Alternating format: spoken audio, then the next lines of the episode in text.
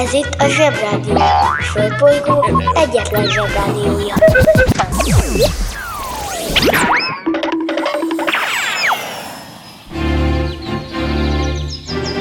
Zsebrádió! A következő műsorszám meghallgatása csak 12 éven aluli gyermekfelügyelete mellett ajánlott. Bemegyek az oviba, suliba. Mindig a mamám hoz a buliba. De mikor a papa hoz a tutiba Rendszeresen csemmegézünk sütiba. Megérkezünk, csekkolom a jellemet. Búcsúzáskor mindig van a jelenet. Hátöltözés, benti cipő, ölelés. Bemegyek és kezdődik a nevelés. Megjelente én vagyok a csoda lény. Cuki-muki odaadott ünnemény felnőtteket tenyeremből letettem. Így lesz nekem sima ügy az egyetem.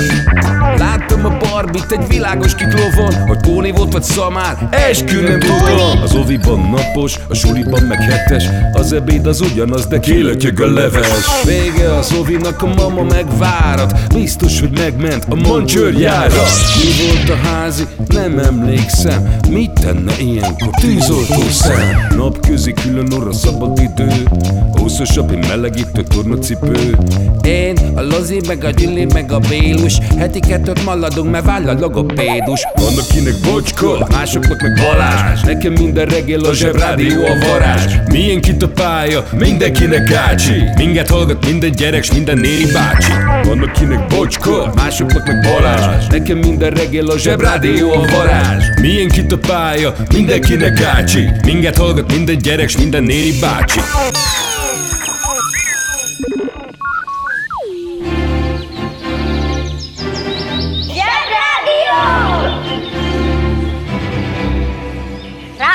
Ügyek, nagy felfedezések, minden hétköznap reggel. Valamiért úgy van, hogy többnyire csak a férfiakról beszélgetünk, hogy már megint milyen nagyszerű dolgokat tettek. Hősiesen háborúztak, hősiesen holdra szálltak, hősiesen feltaláltak valamit, aztán az egyik vagy másik hősies cselekedetük közben hősiesen meghaltak. A nőkről meg csak akkor esik szó, ha csinosak, ha csinosak és férhez mentek valamelyik hősies férfihoz, vagy gyereket szültek a hősies férfinak, és szülés után már újra csinosak. Ez most biztos úgy hangzik, mint hogy nagyon leegyszerűsíteném a dolgokat, de oké, tegyünk egy próbát. Mondjatok egy híres magyar nőt, aki A. Nem az exatlonból esett ki a múlt héten, B. Akinek nem Shane Tuszupa volt férje, C. Aki nem Tóth Gabi. Aha, figyelek. Uh-huh, igen, igen. Még mindig semmi? Na, erről beszélek. A nők benne vannak az életünkben, de nincsenek benne a fejünkben. Ez azért nekem egy kicsit fura.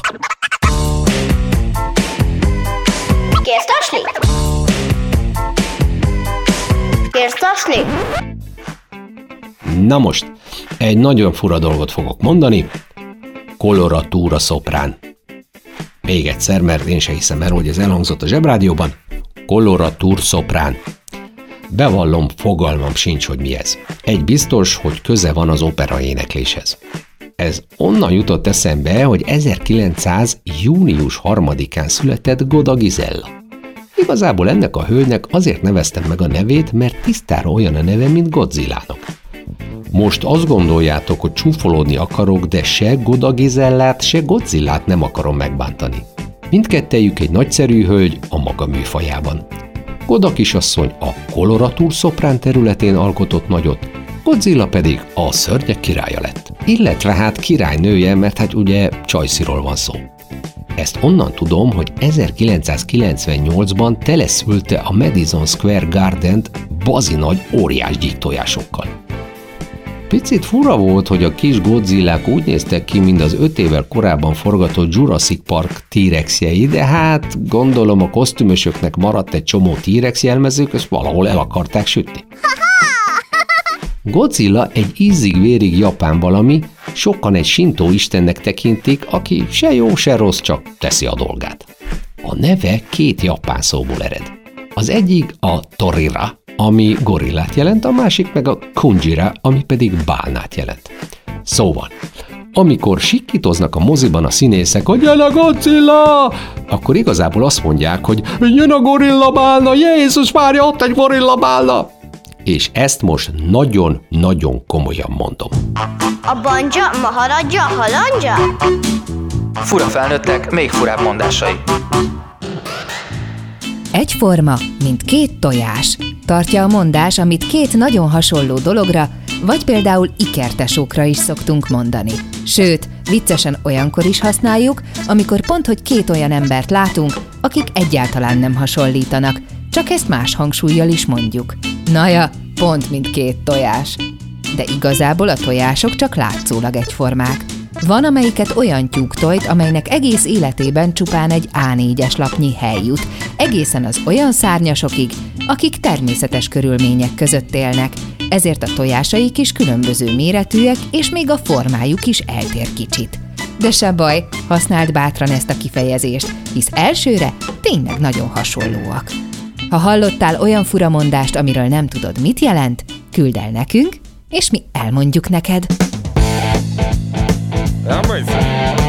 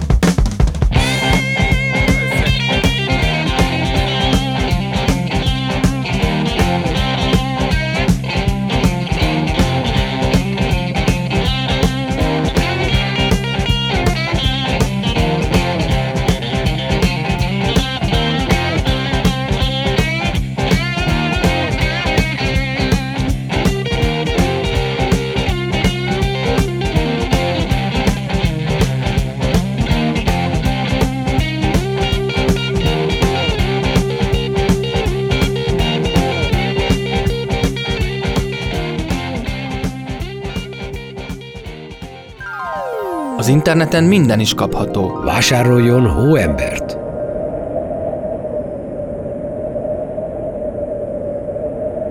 Milyen hangja van egy hóembernek, de most tényleg?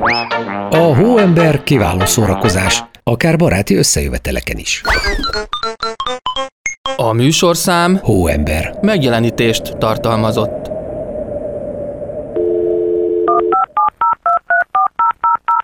A Zsebrádió legjobb barátja a Telekom. Közi Telekom! Jó fej vagy! Kérd csak itt! Együtt, veled.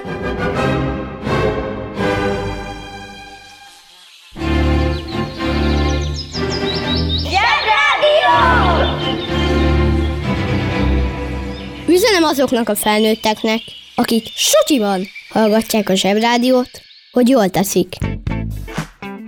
Lehet, hogy sok francia ember reggelenként egy irányba fordítja az arcát, és ők fújják a passzát Hm, nem tudom, nem értek a meteorológiához. Az viszont biztos, hogy egy spanyol képzőművész nevezett Pablo Picasso áthurcolkodott Franciaországba. Szerintem azért, mert elege lett abból, hogy mikor Spanyolországban valakinek be kellett mutatkoznia, akkor ezt kellett mondania.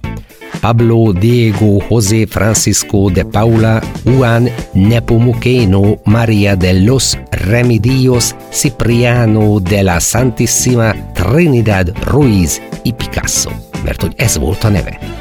Nem is értem, mire gondoltak a szülei. Mikor volt egyáltalán a névnapja?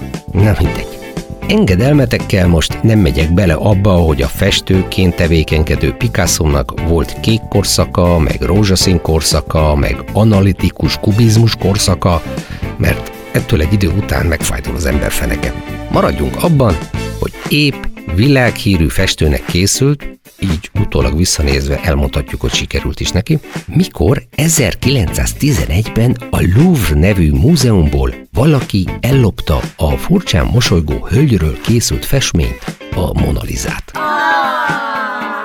Egy közepesen nagy összegben fogadnék rá, hogy a világ bizonyos tájain, főleg ahol a franciák úgynevezett gyarmati tevékenységet folytattak, Ott bizony úgy tekintenek a Louvre, mint a hely, ahol a tőlük lenyúlt értéktárgyakat őrzik előre nem tisztázott ideig. Így gondolta ezt egy olasz biztonsági őr is, de ne szaladjunk előre. Na szóval, immáron másodszorra tűnik el a Mona Lisa a Louvre-ból. Először Napóleon vitte el, mert lakatos márki stylist azt javasolta, hogy a hálószobának jó tenne egy Mona Lisa, úgyis olyan rémes a tapéta.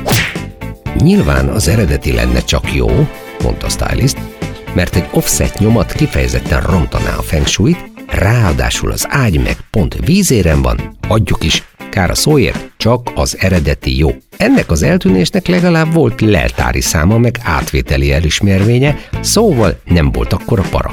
Egy kis kitérő. Szerintetek van köze a paraszónak a parasúthoz, vagyis az ejtőernyőhöz? Logikus lenne. Ha esetleg utána nézel, írd meg nekem a Zsebrádió Facebook oldalán, üzenőfalon vagy messengeren, ahogy tetszik. Főzike só Ott főzek ma magamnak Ott főzek ma magamnak Háromféle kaja van. Leves, második, finomság. A fura nevűeket meg el is magyarázzuk nektek. Mi lesz ma a kaja? Lucskos káposzta, Lucskos káposzta. Nem, ez nem egy sárfőzési technikával készült étel. Ez egy húsos káposztás második. A modern gasztronómia egy tálételnek hívja. Olyan, mint a székelykáposzta, csak a káposztáról nem öntjük le a levet. Nem kell félni a nevétől, sokkal finomabb, mint ahogy hangzik. A lucskos szót pedig most adatvédelmi okokból nem elemezzük. Ja, akkor nem kérek.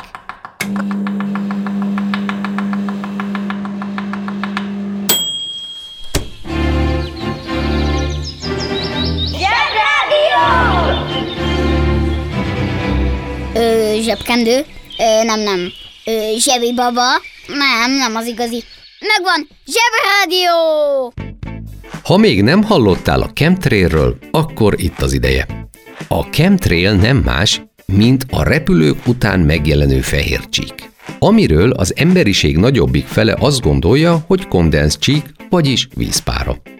A kisebbik fele 1996 óta viszont azt gondolja, hogy a repülők vegyi anyagokat szórnak a levegőbe. Eredetileg azt gondolták, hogy az amerikai hadsereg a vegyi anyagokkal megváltoztatja az időjárást.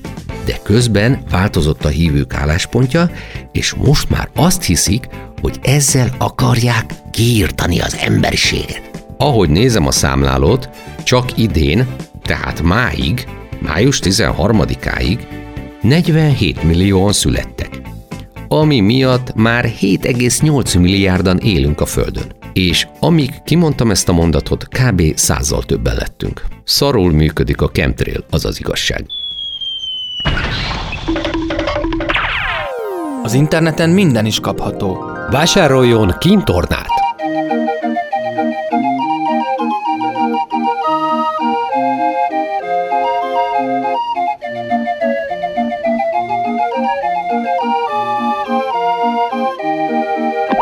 A kintorna kiváló szórakozás, akár baráti összejöveteleken is.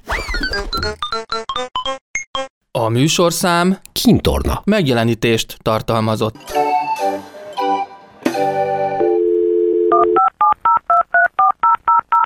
A Zsebrádió legjobb barátja a Telekom. Közi Telekom! Jó fej vagy! Kérd csak itt! Együtt, veled.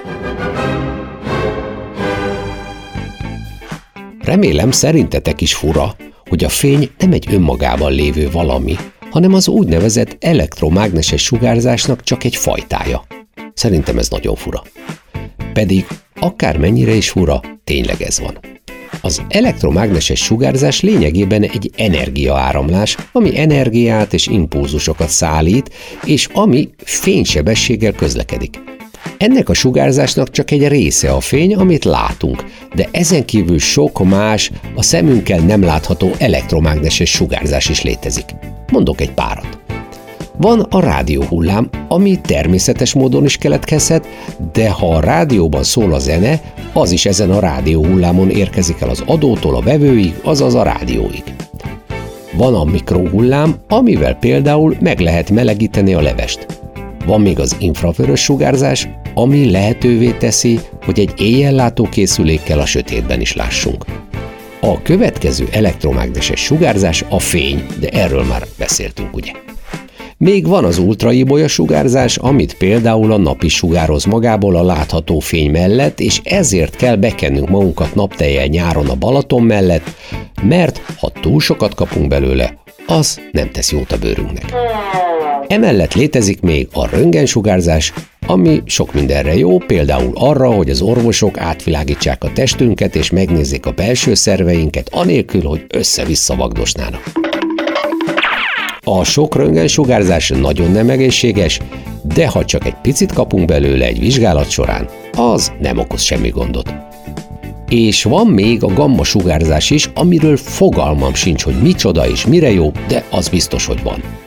És ez a sok sugárzás mind ugyanannak az egy elektromágneses sugárzásnak a különböző fajtája, csak más hullámhosszon működik ami önmagában is tiszta őrület, de mondok még egy elektromágneses sugárzást, amit az ember szintén képes érzékelni, csak nem a szemével, hanem a bőrével. Wow! Ez pedig a hő. Kézbetojás. She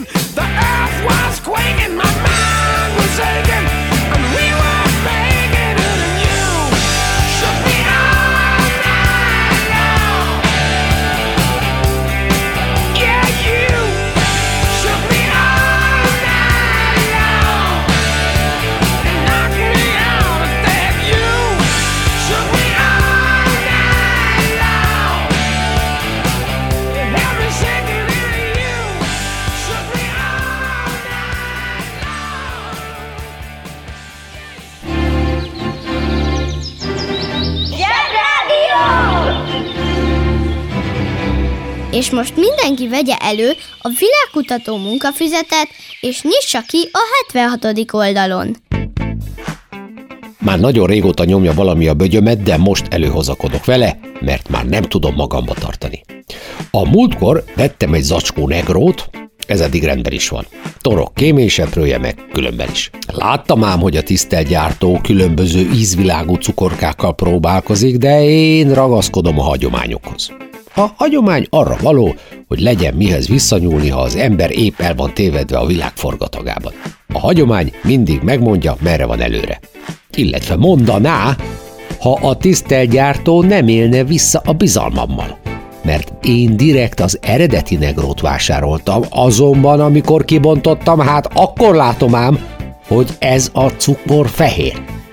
Értitek? Fehér negró. Mármint úgy értem, hogy a negró fehér. Mégis mi folyik itt ezen a földbolygón? Fehér cukor felsőbbrendűség? Azért, mert egy cukor fekete? Már nem lehet bezacskozni? A negró kérem, az fekete, mindig is az volt, ezért is hívják negrónak, ami azt jelenti, hogy fekete. Írtózatosan át vagyok verve. Hova tovább? Fel vagyok háborodva. Kérem a panaszkönyvet. Jó, mondjuk az ízvilággal az rendben van.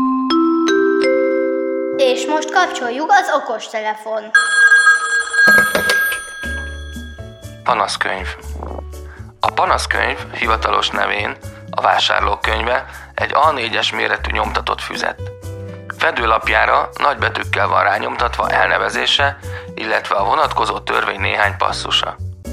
Minden boltban jól látható helyre kell kifüggeszteni, hozzátartozó tollat is kell kötelező biztosítani. A könyvborítót a helyi jegyző lepecsételt, nemzeti színű fonallal, valamint aláírásával hitelesíti. A nyomtatvány 20 sorszámozott három példányos oldalból áll.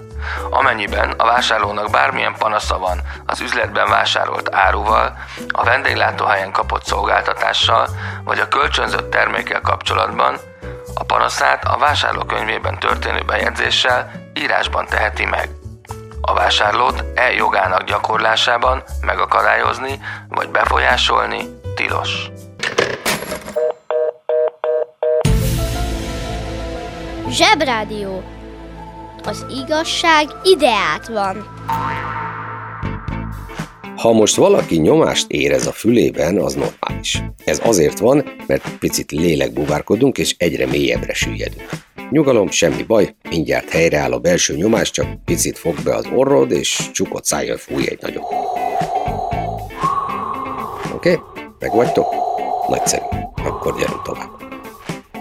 Szóval, ezt a karma dolgot, ezt az ok-okozat összefüggést úgy kell elképzelni, hogy ha valamit teszel, akkor annak később, valamikor lesz következménye.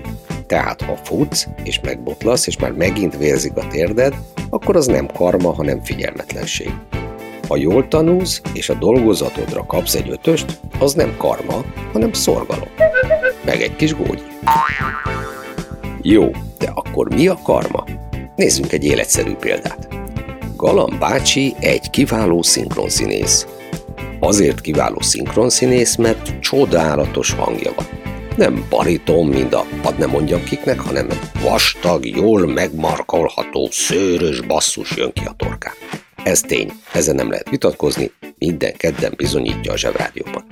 Lehet, persze nem biztos, de lehet, hogy előző életében egy nagyon jó szívű bőgő majom volt, aki, illetve, bocsánat, úgy kell mondani, hogy ami, mert ugye egy szőrös állat volt, szóval, ami mindig megosztotta a banánját más ázó-fázó bőgőmajommal. Azt mondjuk nem értem, hogy az ázás-fázás ellen mire jó a banán, de hagyjuk ezt a felesleges szőrszál hasonlatást. Tehát, Galamb egy kedves és jószívű bőgőmajom volt, ezért aztán a karma úgy rendezte Galamb sorsát és következő életét, hogy az legyen belőle ami. Egy szörnyen sikeres, mélyhangú férfi, aki továbbra is jószív. Azon gondolkodom, hogy következő életében vajon mi lesz. Teheráni nagykövet. Húzd meg jobban, menj el a munka, aki itt van, mindenki. Mi leszel, ha nagy leszel? Nagykövet. A nagykövet teljes nevén rendkívüli és meghatalmazott nagykövet, az a személy, aki hazáját és annak legfőbb vezetőjét tartósan képviseli egy másik országban. A nagykövet a legmagasabb diplomáciai rang, ezért nem csak hatalommal, de rengeteg felelősséggel is jár ez a szakma. Egy nagykövetnek joga van bármikor azonnali kihallgatást kérni az adott ország legfelsőbb vezetőjétől, bár az is igaz, hogy a nagykövetet is berendelhetik meghallgatásra, ami többnyire nem örömteli esemény. Egy nagykövet megszólítása hivatalosan lehet excellenciás úr is, de a Vatikán esetében apostoli nunciusnak hívják a nagykövetet. No, és ez lesz a galamb, mármint Working in a coal mine, going down, down, down. Working in a coal mine, about to step down. Working in a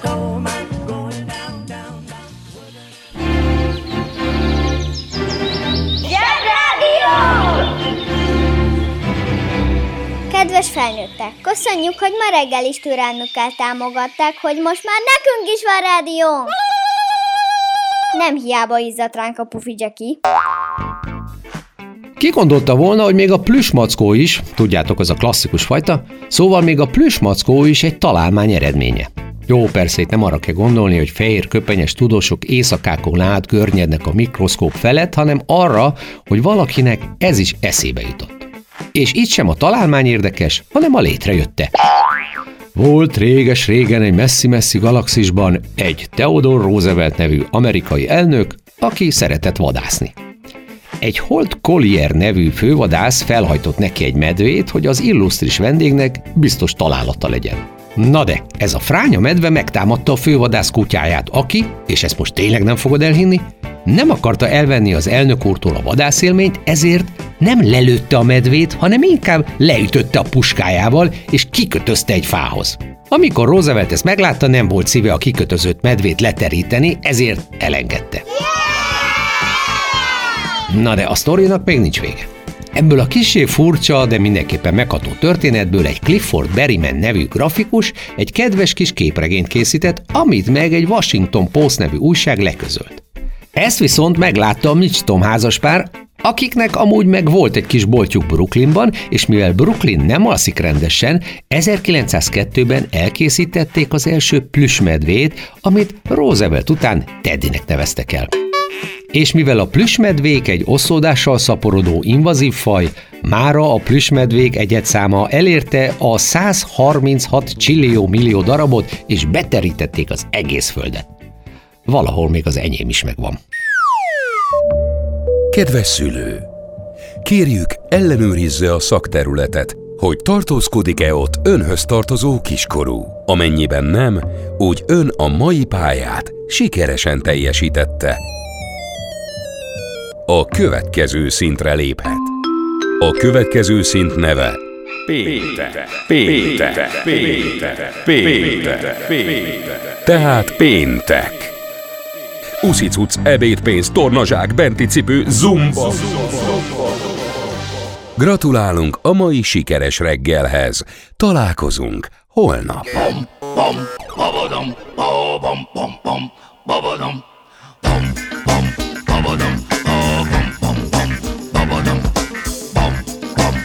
The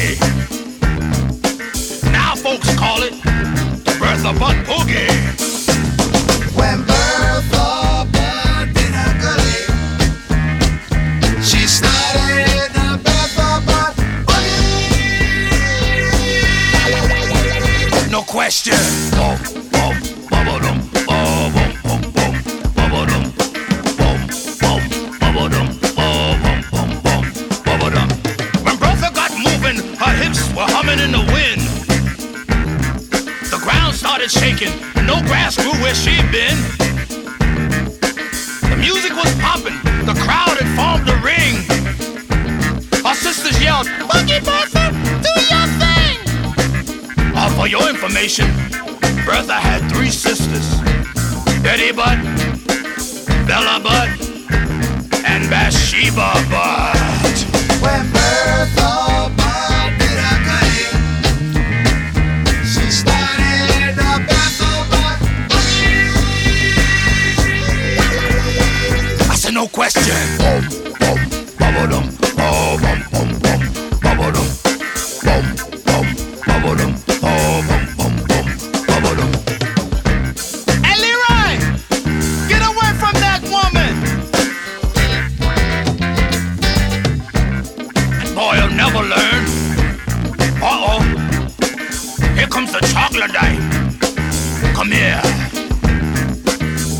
To me. Bertha stood back and yelled, Betty, Bella, Bathsheba. And the Butt sisters backed her up when she yelled, I need you. The chocolate knight, Leroy, Luther, and the Butt sisters all knew that the Bertha Butt Boogie was now the thing to do. When Bertha Butt did her goodie, she started